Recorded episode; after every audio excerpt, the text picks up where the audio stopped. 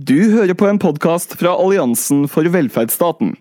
Ja, Hjertelig velkommen til uh, seminar uh, nummer to i uh, vår rekke når det gjelder å problematisere New Public Management. Temaet for dagens seminar er demokrati i trøbbel. Hva gjør markedsstyring og New Public Management med våre offentlige tjenester, og hva er alternativene? Mitt navn er Bengt Karlsson. Jeg jobber på Universitetet i Sørøst-Norge eh, sammen med min kollega Marit Borg og Heidi Haukelien samme sted. Og um, uh, Kenneth Aktander fra RIO. Dagny Andreas, Adriansen og Johansen fra Foreningen for sosialpolitisk arbeid. Gro Beate Odinsen, som er psykisk helsearbeider. Og Helene Bank fra, for velferdsstaten er vi de som er arrangører av dette seminaret. Um, og jeg vil takke uh, alle de som har sagt ja til å innlede, og også de uh, fra uh, politiske partier som kommer til å delta i den avsluttende debatten på dette seminaret. Det som er altså bakgrunnen for dette, er jo at vi ønsker at vi ønsker å fokusere eh, på uh, New Public Management og hvilke konsekvenser det har innenfor ulike felt. Uh, vi representerer både fag-, forsknings- og erfaringsforankrede deler av disse tjenestene. og vi ønsker særlig å løfte frem hvilke konsekvenser dette har. Og I denne sammenheng Eh, ønsker vi altså å se på finnes det alternativ, og eventuelt hva består disse alternativene av. Eh, så da vil jeg bare overlate ordet til, eh, til to av våre andre i komiteen, som skal lede det videre. Dagny og um, Kenneth. Tusen takk til alle for deltakelse, og lykke til. Tusen takk uh, for det. Uh, mitt navn er Ingrid Wergeland. Jeg jobber i Manifest Tankesmie, og jeg har fått uh, gleden av å selvfølgelig følge et veldig interessant seminar, men også å, å lede den politiske debatten som skulle følge det. Eh, vi har, eh, eh, som jeg sa nettopp, fått et avbud, nemlig fra Bente Mathisen fra Høyre. Hun ble forhindret i å komme i siste liten, og fikk derfor heller ikke sendt inn noen erstatter. Men heller enn å snakke om de som ikke er her, så kan vi jo takke for oppmøtet for de som er her, nemlig Eirik Faret Sakariassen fra Sosialistisk Venstreparti og Per Olaf Lundteigen fra Senterpartiet. Eh, og så skulle egentlig også Arbeiderpartiet være representert, men eh, de har som kjent landsmøte, så de har eh, sendt oss en video, en hilsen med Lise Christoffersen. Så jeg lurer på om skal, kanskje, Vi skal kanskje bare begynne med den videoen, så kan vi gå over til innleggene av de oppmøtte etterpå. Hei, alle sammen. Mitt navn er Lise Christoffersen. Jeg sitter i arbeids- og sosialkomiteen på Stortinget som representant for Arbeiderpartiet. Og tusen takk for invitasjonen deres til å delta på webinaret i dag. Men dessverre så går ikke det, fordi Arbeiderpartiet har landsmøte. Eh, derfor så må vi sende dere en videohilsen i stedet. Og på landsmøtet så skal vi behandle mange forslag som eh, er helt i tråd med det som er temaene på webinaret deres i dag. Noen utdrag fra programforslaget vårt er Arbeiderpartiet mener at grunnleggende velferdstjenester ikke skal konkurranseutsettes, men offentlig sektor skal styres på grunnlag av norske sosialdemokratiske verdier som tillit, åpenhet og samarbeid. Vi mener videre at grunnleggende velferdstjenester ikke er markeds- og konkurranseutsatt produksjon. Vi vil ha slutt på at vår felles velferdsstat styres basert på markedsmekanismer som ikke passer i offentlig sektor. Vi vil bort fra importerte ledelsesmodeller som ikke passer i Norge, og misforstått mål- og resultatstyring, hvor det som kan telles, er det eneste som teller. Arbeiderpartiet vil også redusere bruken av markedsmekanismer i alle deler av velferdsstaten slik som bestiller-utførermodeller, outsourcing, internfakturering, konkurranseutsetting, privatisering og markedsbasert finansiering av velferdstilbudet. Så nok en gang lykke til med webinaret, og så kommer Arbeiderpartiet sterkere tilbake neste gang dere skal arrangere et webinar. Lykke til, og ha det bra. Tusen takk eh, for det. Eh, da eh, får vi jo ikke fulgt opp med, med spørsmål og hørt mer debatt fra, fra Arbeiderpartiet, men, men, de lover altså å komme, komme sterkere tilbake. Vi har en knapp time igjen av dette seminaret, og den tiden skal vi bruke til å diskutere mer. Men først så skal vi ha et par innledninger, som, som annonsert. Og jeg tenkte å begynne med deg, Eirik Ferdt Sakariassen fra SV. Eh, stortingsrepresentant fra eh, Rogaland. Eh, velkommen hit, og ordet er ditt. Vær så god.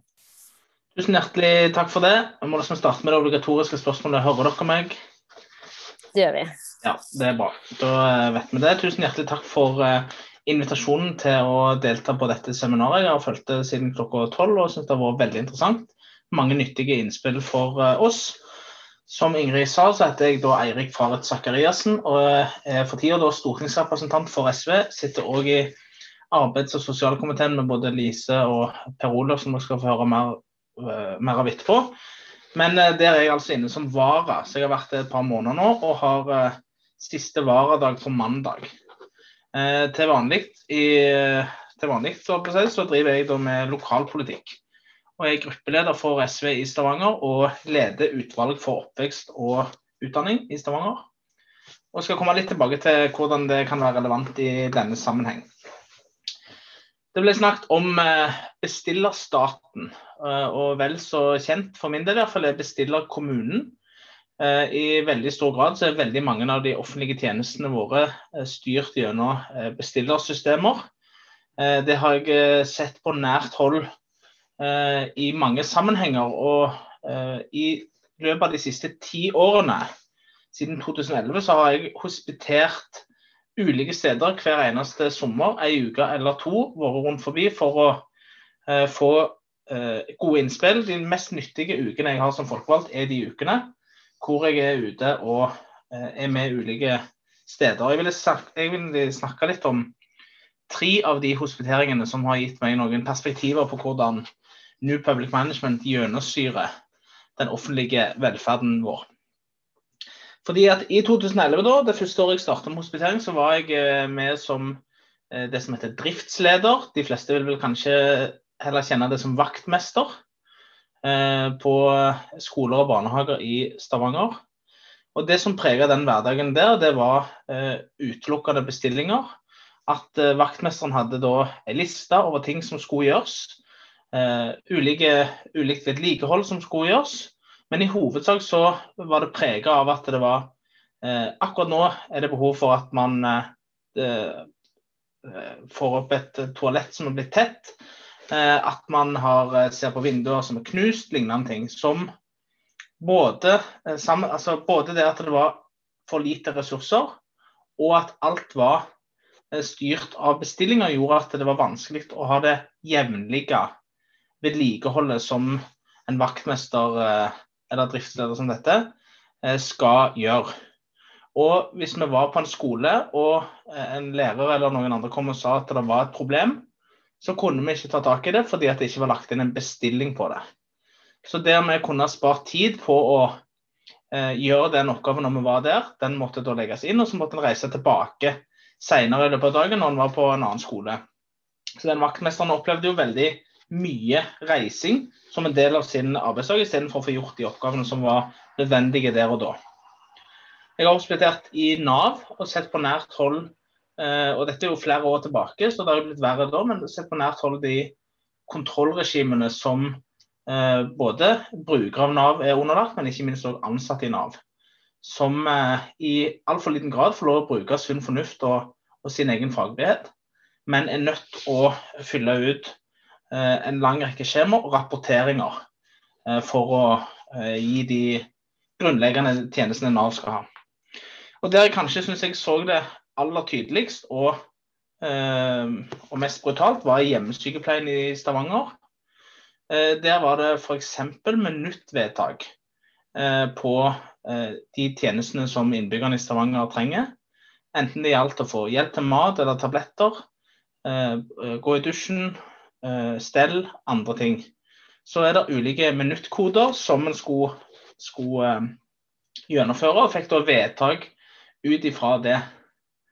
Og Så ble det sagt at ja, de minuttene er veiledende og sånn, men realiteten for de som jobber som pleiere, var jo at de etterlevde det ganske strengt.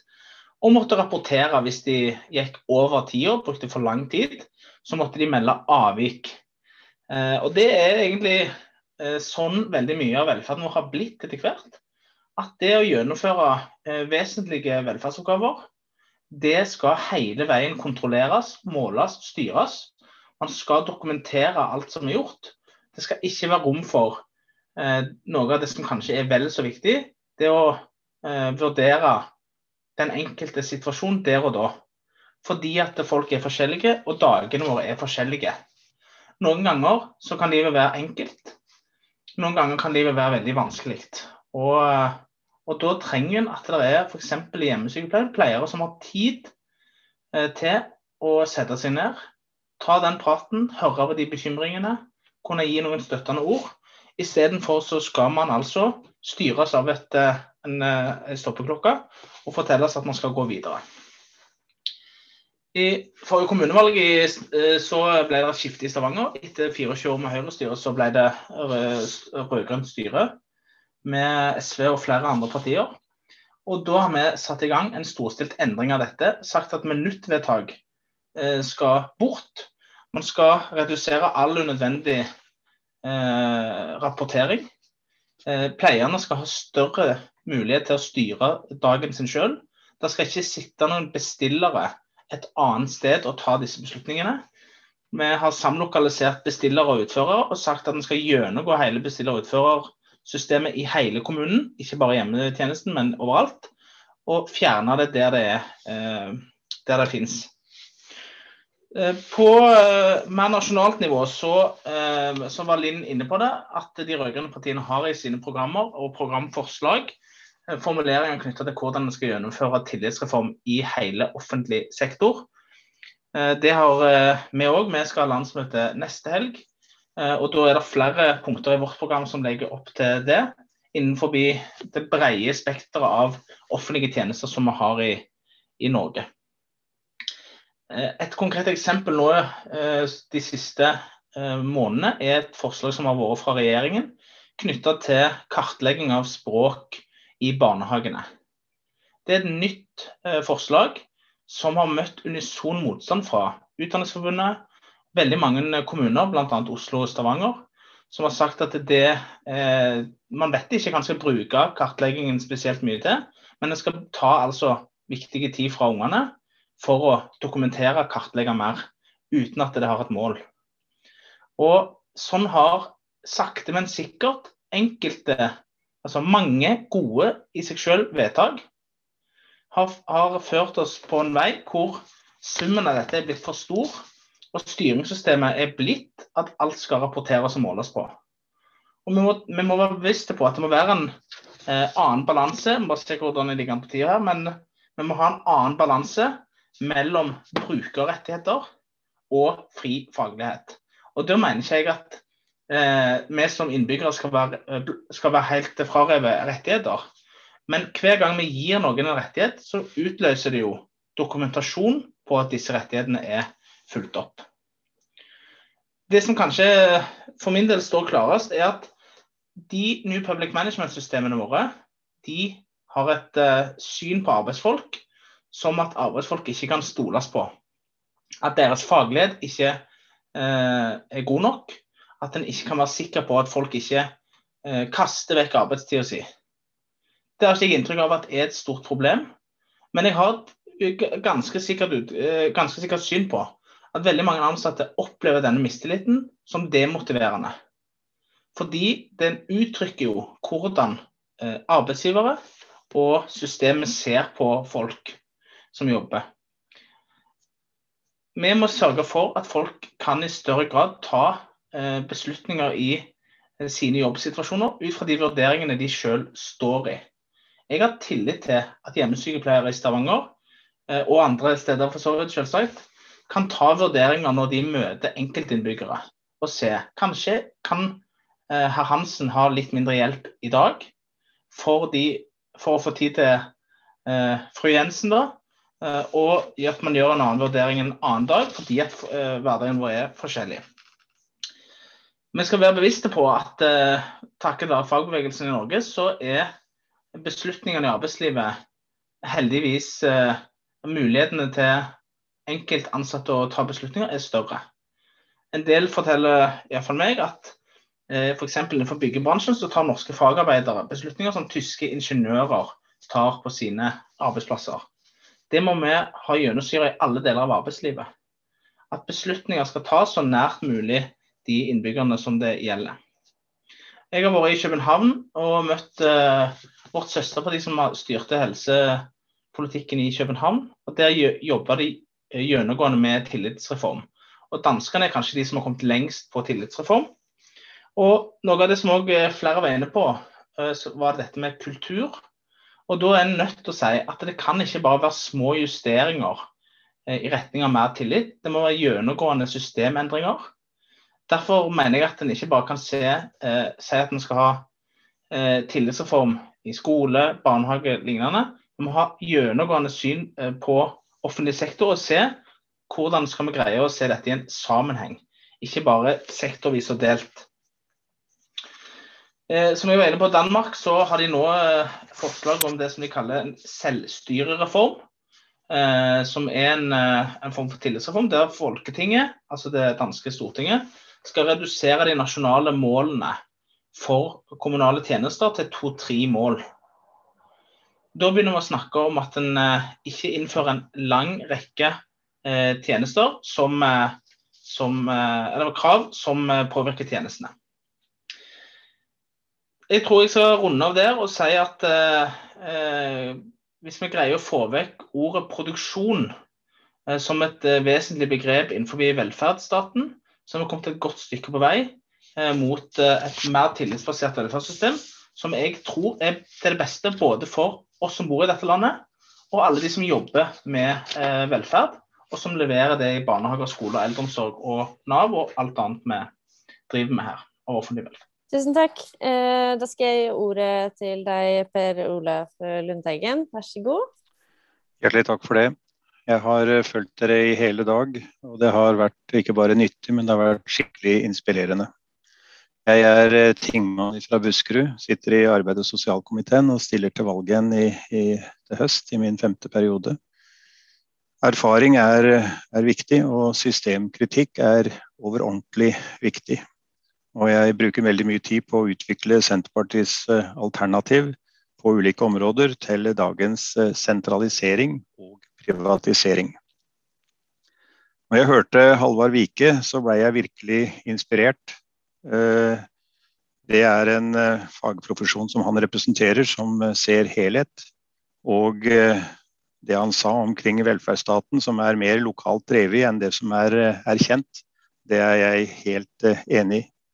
Og det han sa om maks, fra maktspredning til autoritær hierarkisk ledelse, det kjenner jeg meg så godt igjen i, i alt som har med arbeid- og sosialkomiteens eh, arbeid. Lars Taksen i Sverige eh, sa det at Sverige er i ferd med å utvikle seg til USA Light. Det skjer også i Norge. Men jeg vil bare forsikre Taksen om at Senterpartiet i Norge og Senterpartiet i Sverige er etter hvert blitt to ganske forskjellige organisasjoner. Det i Sverige starta veldig tidlig med Senterens ungdomsforbund, som utvikla seg i en liberalistisk retning. Og i min tid som eh, generalsekretær og i andre roller i partiet og i ungdomsorganisasjonen, så eh, vaksinerte vi våre ungdommer eh, mot den svenske utviklinga. Sånn at Senterpartiet i Sverige og, og Norge er nå ganske forskjellig, og det er ingen tilfeldighet at Senterpartiet i Sverige nå har likeverdig kontakt også med Venstre i Norge, hvor de da ideologisk hører ganske godt hjemme, sånn som jeg kjenner dem. Linn Herning avslutta optimistisk, og det vil jeg også gjøre. Med at vi har mulighetenes tid. Muligheten er nå til stede for å utmeisle et innhold i den alternative politikken. Det er ikke bare nødvendig å ha et regjeringsskifte, men vi må ha en ny politikk. Jeg satt på Stortinget i perioden til den rød-grønne regjeringa, og det var ikke bare en glede, skal jeg love dere. Og det fungerte sånn under herr Pedersens regime at de som ikke føyde seg, ble tatt inn på hans kontor, og det blei også jeg. Og eh, det må de gjerne prøve seg igjen. Jeg kommer til å være ganske myndig i de møtene eh, som der kan, eh, kan komme, for å si det sånn. Det som var for meg en, en øyeåpner i forbindelse med tillitsbasert ledelse, det var det som skjedde 22.07. Og den forferdelige katastrofen den endte jo da i Stortingets kontrollkomité, som jeg satt. Og eh, vi fikk da eh, statsminister Stoltenberg sin eh, orientering til behandling sammen med Gjørv-kommisjonens innstilling. Og det som Stoltenberg la vekt på, det var jo at vi måtte drøfte organisasjon, kultur og ledelse. Og det blei det da gjort en betydelig jobb i fra oss i Senterpartiet. Og vi formulerte ut vårt grunnsyn på ledelse i den innstillinga, og fikk med oss Arbeiderpartiet og SV på det. Det skulle jo da være som et alternativ til den eh, sentralisering og den strukturendring, altså sammenslåing, som eh, både for så vidt den rød-grønne regjeringa var sjarmert av, men eh, som da den blå regjeringa som kom, var ekstra sjarmert av. Og de satte jo i gang da i den såkalte nærpolitireformen, som jo da var juks og, og bedrag.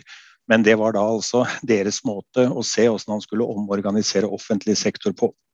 Det vi skrev i den innstillinga, det var eh, tillitsbasert ledelse. Og det går konkret ut på det at eh, de som er i førstelinja, altså enten det er brannfolk, politifolk, lærere eh, eller helsefagarbeidere, så må de ha en myndighet og et ansvar fordi at de vet best hvordan oppgaven skal løses. De som er i førstelinja, vet best hvordan oppgaven skal løses samtidig som oppgaven skal løses i tråd med overordnede sin intensjon, altså hvilke samfunnsoppdrag som en skal løse. Og Her er vi ved noe veldig viktig i forbindelse med tillitsbasert ledelse. Det er det samspillet som det må kontinuerlig være mellom ledelse og førstelinja, sånn at den kontinuerlig forbedrer seg og utfører oppdraget på en kvalitetsmessig og økonomisk bedre måte til enhver tid. En må for all del ikke stivne. Men det baserer seg altså på at førstelinja, den som er brann, den som er lærer, den som er helsefagarbeider, den veit best hvordan den skal takle situasjonen. Og det her er jo da en filosofi som vi beskrev veldig nøye i den innstillinga i kontrollkomiteen. De av dere som er interessert i det, kan lese av det der. Hvor alle beredskapsorganisasjonene må altså ha tilstrekkelig med mannskaper de må ha utdanna mannskaper, de må ha mannskaper som har kommunikasjon med hverandre, som har de nødvendige verktøyene til å gjøre jobben på en god måte. I det hele tatt, En må ha tillit til fagfolka i ledelsen. Og Som flere av dere har vært inne på, så må du ha en eh, fagfolk i førstelinje. Og som flere av dere har vært inne på, så må jo ledelsen skjønne hvilke fag det gjelder. Det er en eh, farsott som har gått over landet, hvor det ikke er så farlig om de som er ledere skjønner seg på hva oppgaven eh, går ut på. Det er noe som vi i Senterpartiet ikke er enig i. Vi er opptatt av at det skal være dyktige fagfolk som skjønner hva som er kjernen i, i virksomheten. Og denne tillitsreformen den er ikke minst viktig eksempelvis innenfor Nav. Nav det er en fantastisk stor og viktig organisasjon, men som har skeia ut i den forstand at det som var eh, oppdraget, nemlig ei dør inn, det har i mindre og mindre grad fungert i forhold til de mange som er i en komplisert situasjon. Det er mange eh, oppgaver som en står oppi, krevende oppgaver. Det har med arbeid, det har med sosiale ytelser å gjøre.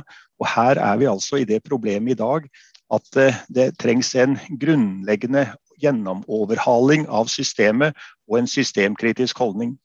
Og Det Senterpartiet nå har sagt, det er jo at eh, Nav sine kontorer lokalt i kommuner og bydeler må minst for det første ha en åpningstid. Jeg understreker det er åpningstid minst på høyde med rådhuset i kommunen. Punkt to. De kontorene må få en kraftig styrka bemanning for å yte nødvendig veiledning til folk som ikke kan bruke digitale kontaktsystemer. Det er altså så mange som sliter, som trenger et menneske som en kan møte, et menneske som kan veilede, et menneske som skal råde igjen. Og det må være i førstelinja. Og Det er fordi at situasjonen er sammensatt og krevende for veldig mange mennesker. Og Det siste er at de ansatte, de statlige ansatte ved de lokale kontorene i kommuner og bydeler må gi økt ansvar samt beslutningsmyndighet. De må ha beslutningsmyndighet i midlertidige ytelser. Og som sagt, Denne tillitsreformen som jeg nå snakker om, innebærer en kontinuerlig dialog mellom de som står i førstelinja og de som er eksempelvis i ledelsen av Nav hele tida en dialog og en forbedring av måten det fungerer på, sånn at de som er i førstelinja, har de nødvendige redskaper, har den nødvendige styrke til å gjøre jobben sin. Samtidig som altså en hele tida endrer seg i tråd med det som er eh, behovet i situasjonen. Det er vel få organisasjoner som trenger mer tillitsbasert ledelse enn eh, Nav-kontoret. Eh, det som eh, videre er saken når det gjelder Nav, det er jo at de er i en meget vanskelig situasjon i dag. Fordi at arbeidsmarkedet er i løpet av de siste eh, 20-25 åra endra seg dramatisk i den forstand at vi fra at vi hadde et folkestyre som kunne styre de store linjene i arbeidsmarkedet, så har vi ikke lenger noe norsk og nordisk arbeidsmarked, men vi har et EØS-arbeidsmarked. Og Det EØS-arbeidsmarkedet har ingen folkevalgt styring i stort. og Det fører jo til at når vi har et system med ukontrollert arbeidsinnvandring, så får vi en arbeidsinnvandring på praktiske yrkesområder som fører til at mange av de som, som har en svak tilknytning til arbeidsmarkedet, får en enda svakere tilknytning til arbeidsmarkedet. Jeg kan gjerne utdype det. Senterpartiet går for regulert arbeidsinnvandring utenfor Norden innenfor EØS-området. Når det gjelder arbeidsavklaringspengene, som eh, Elisabeth Thoresen var inne på, så er det en av de ordningene som fungerer aller dårligst.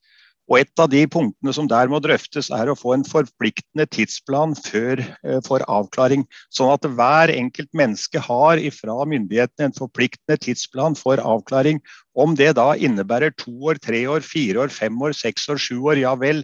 Det er den tida som trengs for å få en avklaring for enten arbeid eller uføretrygd. Det er helt uverdig det som nå er i ferd med å skje. Og det har aldri vært meninga at sosialstøtte skal være en mer eller mindre varig ordning for mange mennesker. Det er helt fatalt at vi har kommet opp i den eh, situasjonen.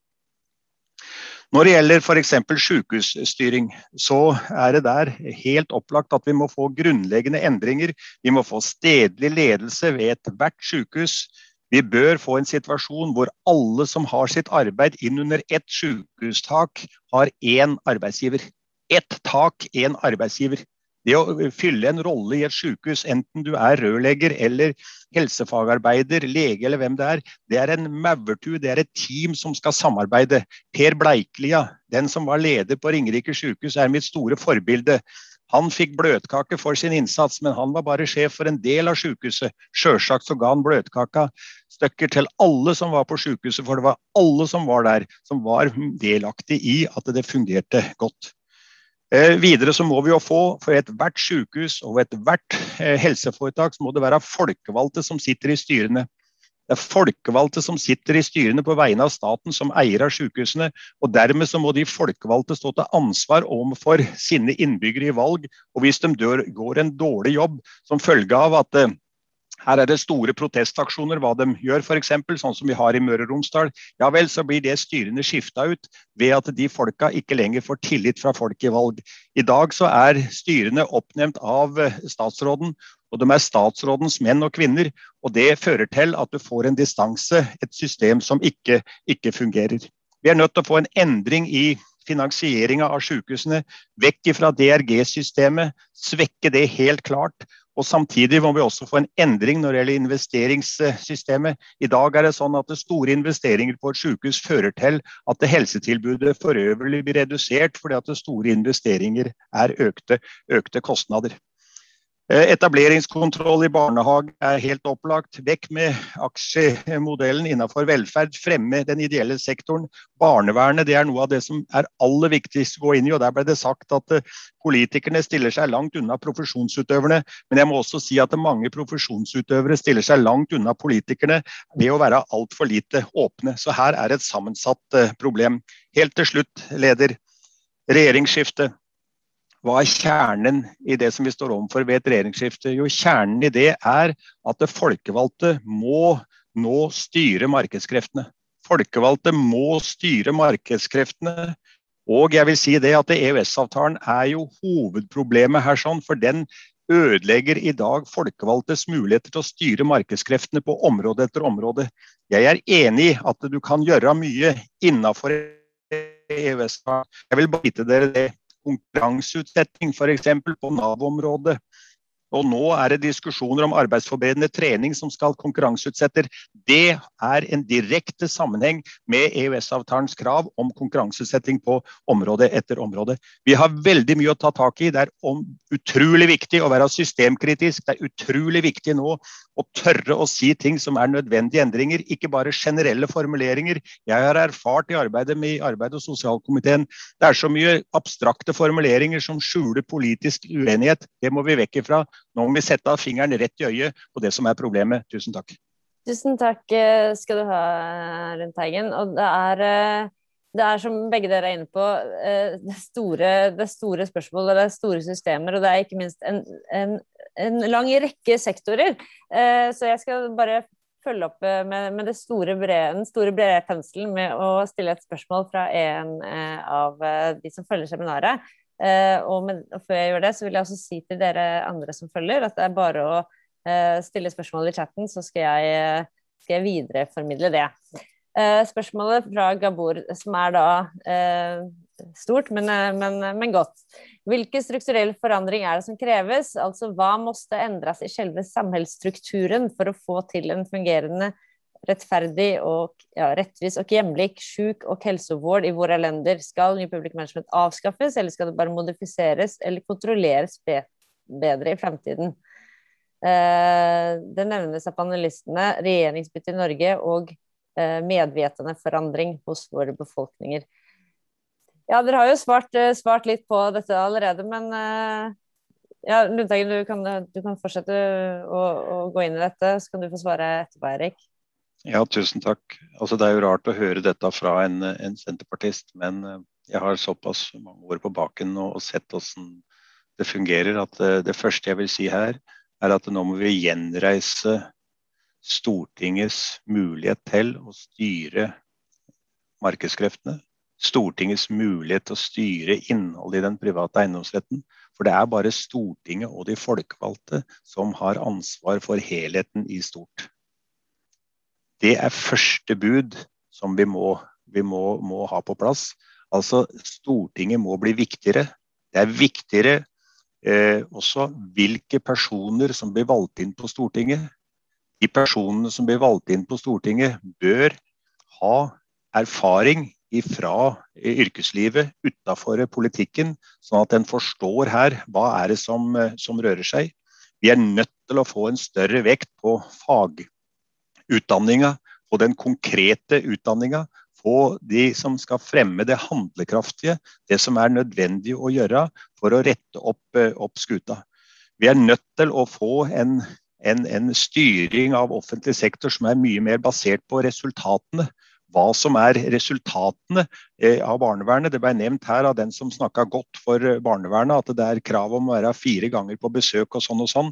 Men hva som er innholdet i besøket er ikke så farlig. Enhver praktiker skjønner at dette er dustete.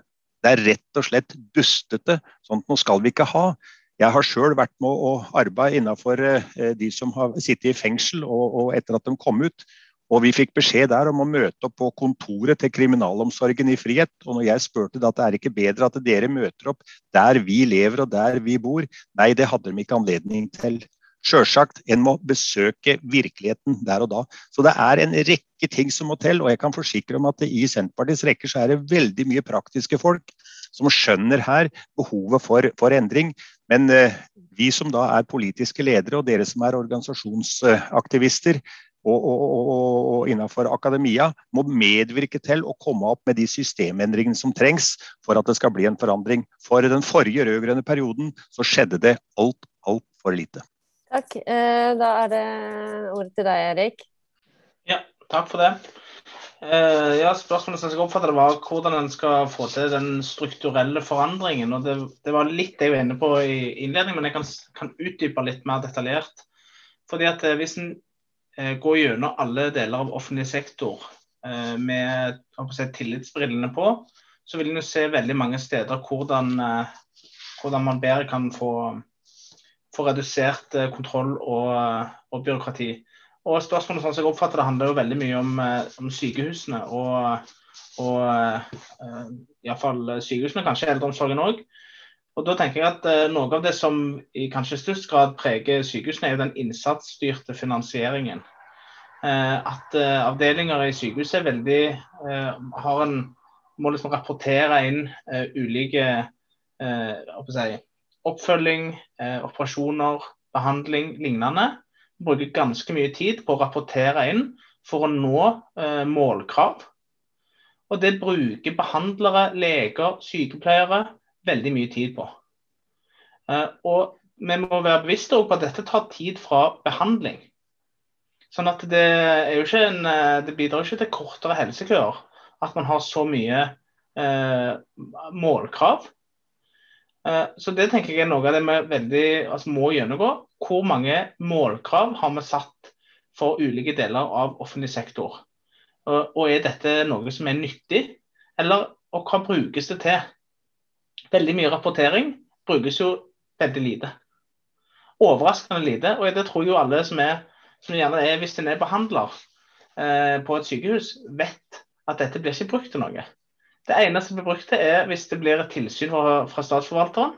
Så skal vi kunne vise at jo da, vi har gjort sånn og sånn og sånn. Og da mener jeg at det, har ikke, eh, nok, eh, det er ikke godt nok for å forsvare at man skal opprettholde det. Så er det en del kommuner som òg eh, leverer mer og mer eh, oppgaver innenfor helse. Så må en gjennomgå det der er bestiller-utfører-modeller. For de som ikke vet det, så, er jo det enkelt og greit at man har bestillerkontorer som tar imot fra leger at nå, nå er det behov for hjemmehjelp eller hjemmesykepleie. Og så er utførerne er jo da de som faktisk er hjemmesykepleiere, som mottar disse bestillingene. Og så driver man intern fakturering i kommunene. Eh, for noen år tilbake så, så jeg tall fra eh, Stavanger kommune, som er jo en mellomstor norsk kommune, internfakturerer for 9 millioner kroner. Det er bare penger som sendes fram og tilbake mellom kommunale avdelinger. Og Da kan en spørre hvor, eh, hvor, stor hensikten er. Og Det siste jeg vil si på det, er jeg enig med, med Lundteigen om at en må få folkevalgte tilbake i styringen av, av helse. Altså En må avvikle foretaksmodellen og at det blir eh, folkevalgt styring av sykehusene. Fordi at eh, nå er det eh, si, BI-utdanna eh, blåruss som i altfor stor grad styrer sykehusene. Og det er ikke lenger folkets interesser som eh, ivaretas. Det er eh, i større og større grad markedsøkonomi og markedsprinsipper som styrer helsevesenet i Norge. Tusen takk. Jeg skal høre et spørsmål til til dere som jeg har tenkt på selv, før jeg skal ta opp noe fra, fra chatten. Fordi um, vi har jo en offentlig sektor som er nå, som du nevner, uh, ja, BI-styrt, som du kaller det. Men altså, det jo, vi har jo ledere og mellomledere i veldig store deler av offentlig sektor som i tiår har styrt etter disse prinsippene som vi har diskutert her i dag. Uh, hvordan, hvordan, ser dere for dere at en, en slik uh, ganske solid omstrukturering av, av, disse styringsprinsippene skal, skal skje, helt i praksis? Utover det å sette f.eks. folkevalgte i, i, styrene på sykehjemmene og, og endre eh, foretaksmodellen. Eh, Eirik, du tegnet deg fort. Ja, eh, fordi det er noe av det som, eh, som jeg ser veldig tydelig i min egen politiske hverdag. er at Det er ganske vanskelig. fordi at Vi som folkevalgte kan ha ambisjoner og sette veldig tydelige mål og si nå skal vi gå i retning av mindre kontroll, mer tillit. Men det er vanskelig å gjennomføre fordi at veldig mange av de som jobber innenfor uh, ulike systemer, da, det kommunale eller statlige, er vant til å gjøre det på den måten som, uh, som man har gjort det lenge. Og det er en styringsfilosofi som ikke bare har liksom sakte vokst fram, den er dominerende innenfor alle deler av offentlig sektor. Det som var meldingen fra København når jeg eh, hadde tett dialog med hun som heter Nina Thomsen, som da var det som heter sunnhets- og omsorgsborgermester i København, altså det vi ville tenkt på som helsebyråd eh, i København, så sa hun at når hun eh, tiltrådte i den rollen og sa at tillitsreform er eh, punkt én på min dagsorden, min politiske dagsorden, så sammenkalte hun alle lederne eh, innenfor sin etat, og så sa hun vi skal ikke gjøre små justeringer innenfor det eksisterende systemet. Vi skal tenke helt grunnleggende nytt. Det betyr at dere må jobbe ute i alle deres enheter med endring av kulturen. Det betyr at folk kan ikke jobbe på samme måten som før i et nytt system. Man må jobbe helt annerledes. Og da må Det jo, da, det forplikter jo alle ledere til å være med på det. Jeg er litt spent på hva de gjør i, i Danmark nå, nasjonalt. For Der sier de at uh, selvstyrereformen vil være frivillig for kommunene å delta i. Så en del kommuner vil helt sikkert si vi har tenkt å fortsette akkurat som før. Vi skal måle og rapportere fordi at vi ikke har tenkt å omstille oss til det. Jeg er usikker på om den frivillige tilnærmingen er veldig bra. som en sånn, det, er, det å tvinge folk til mer tillit eh, kan jo eh, være vanskelig. Så det må jo en viss grad av overbevisning til eh, ned gjennom i systemet. Men jeg tenker at eh, en del av eh, svaret, jeg tror ikke jeg har hele svaret, men jeg tror deler av svaret er at man må eh, lage en helt ny kultur eh, med disse systemene. Man kan ikke bare tenke at, at det skal være flikking på det. At man bare fjerner rapporteringskravet i seg selv. Det vil ikke endre veldig mye. Fordi Da finner man nye måter å, uh, å fylle det hullet på. Jeg tror man må liksom, se helt sånn grunnleggende på hvordan er det vi innretter. Uh, F.eks. Fra, fra det nasjonale, hvor mange krav skal vi ha. Hvis en begynner der, så må det jobbes ned igjennom uh, ut i kommunene. Lundteigen, vil du kommentere?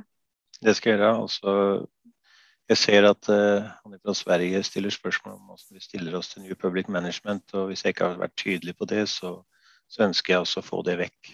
Få det vekk. Men det er altså en bakterie som er kommet inn i i, i, Norge og inne i offentlig forvaltning. og Den har utvikla seg over veldig mange år, så den har satt seg skikkelig fast. sånn at det er vanskelig også få det ordentlig ut igjen. Og Jeg har prøvd å finne ut uh, hva var de ulike trekka i starten som fikk det inn.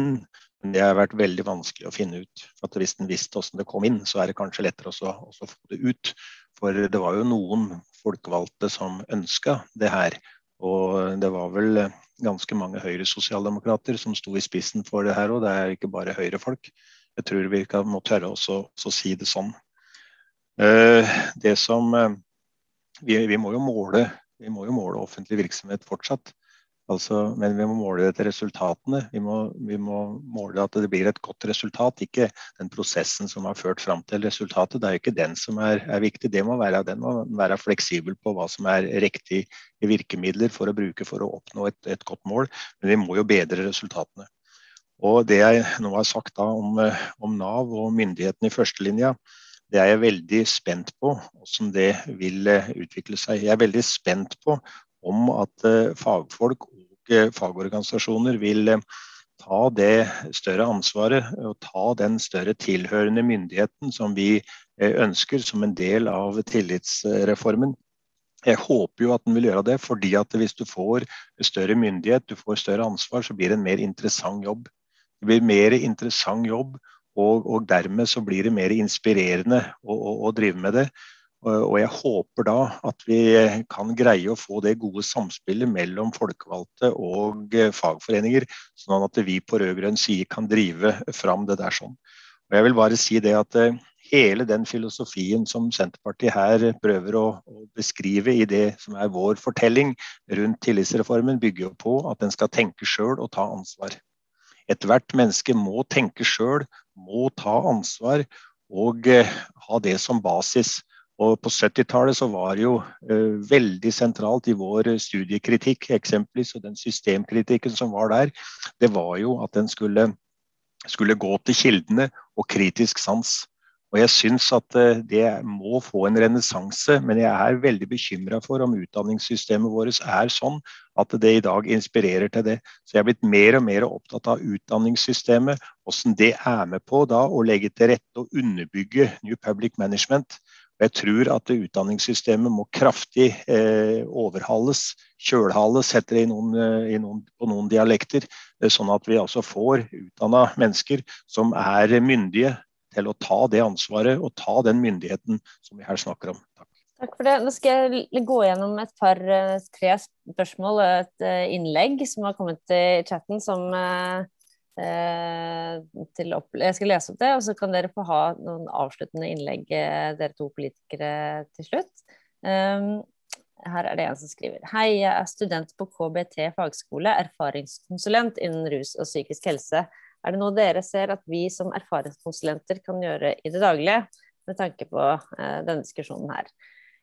Um, og så er det Taksen som ja, han er jo, Nå har dere sagt ganske tydelig nei til New Public Management, men uh, dette ble skrevet tidligere enn dere fikk sagt det. Så da skrev han snakkes mye om tillit, uh, men hvor langt kan man egentlig ha tillit, utvikle tillit i et system som er basert på New Public Management? Må man ikke, det, bygger jo på mistro mot personalet, så må man ikke avvikle New Public Management for å skape virkelig tillit.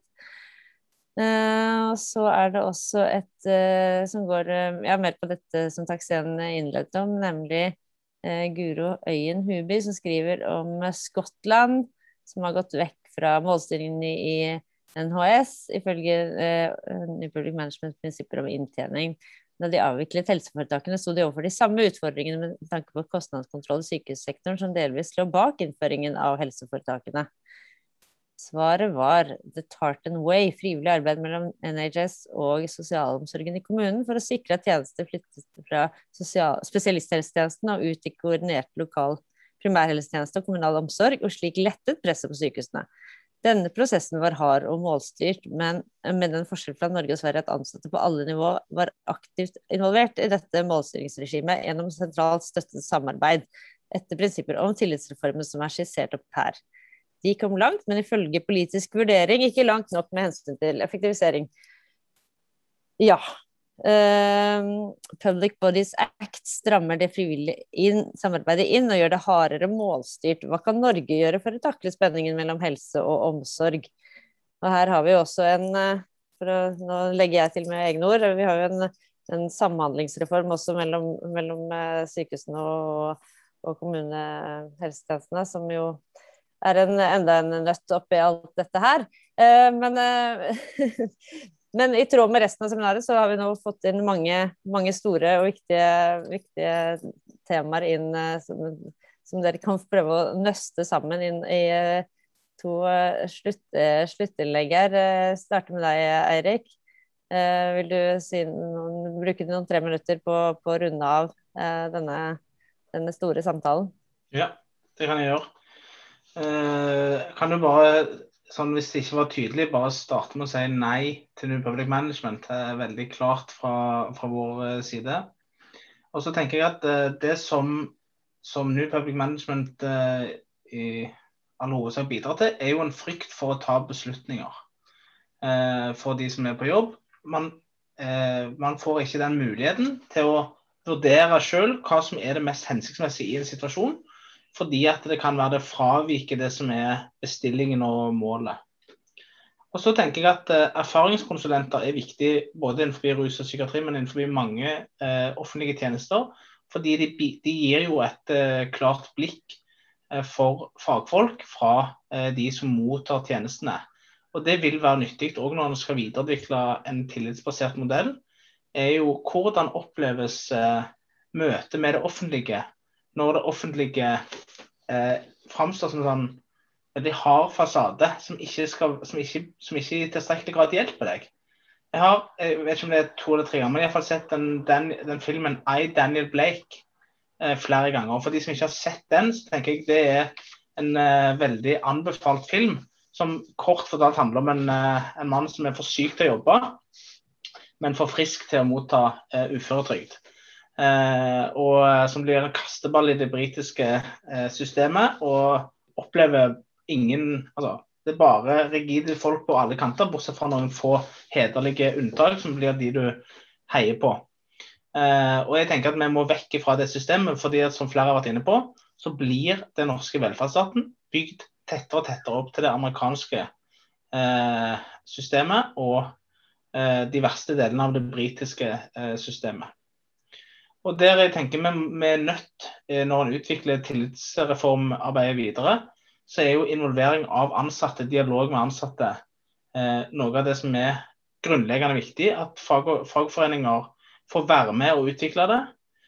Noe av det som har, eh, For å vise tilbake igjen til København, jeg er ikke så kjent med Skottland som det blir spurt om her, men, men på det med kostnadskontroll og kostnadsbruk i tillitsreformarbeidet, så har var budskapet fra København var alt det vi sparer på, å redusere målstyring, byråkrati og rapportering, det skal brukes på økt velferd. Vi skal ikke liksom sluse de pengene inn i, inn i, systemet. De skal gå tilbake til flere ansatte på jobb, flere kolleger som kan bidra til at velferdstjenestene eh, fortsatt er av høy kvalitet og gode. Eh, og Det tenker jeg er noe av det viktigste. Tillitsreform er ikke en spare eh, prosess.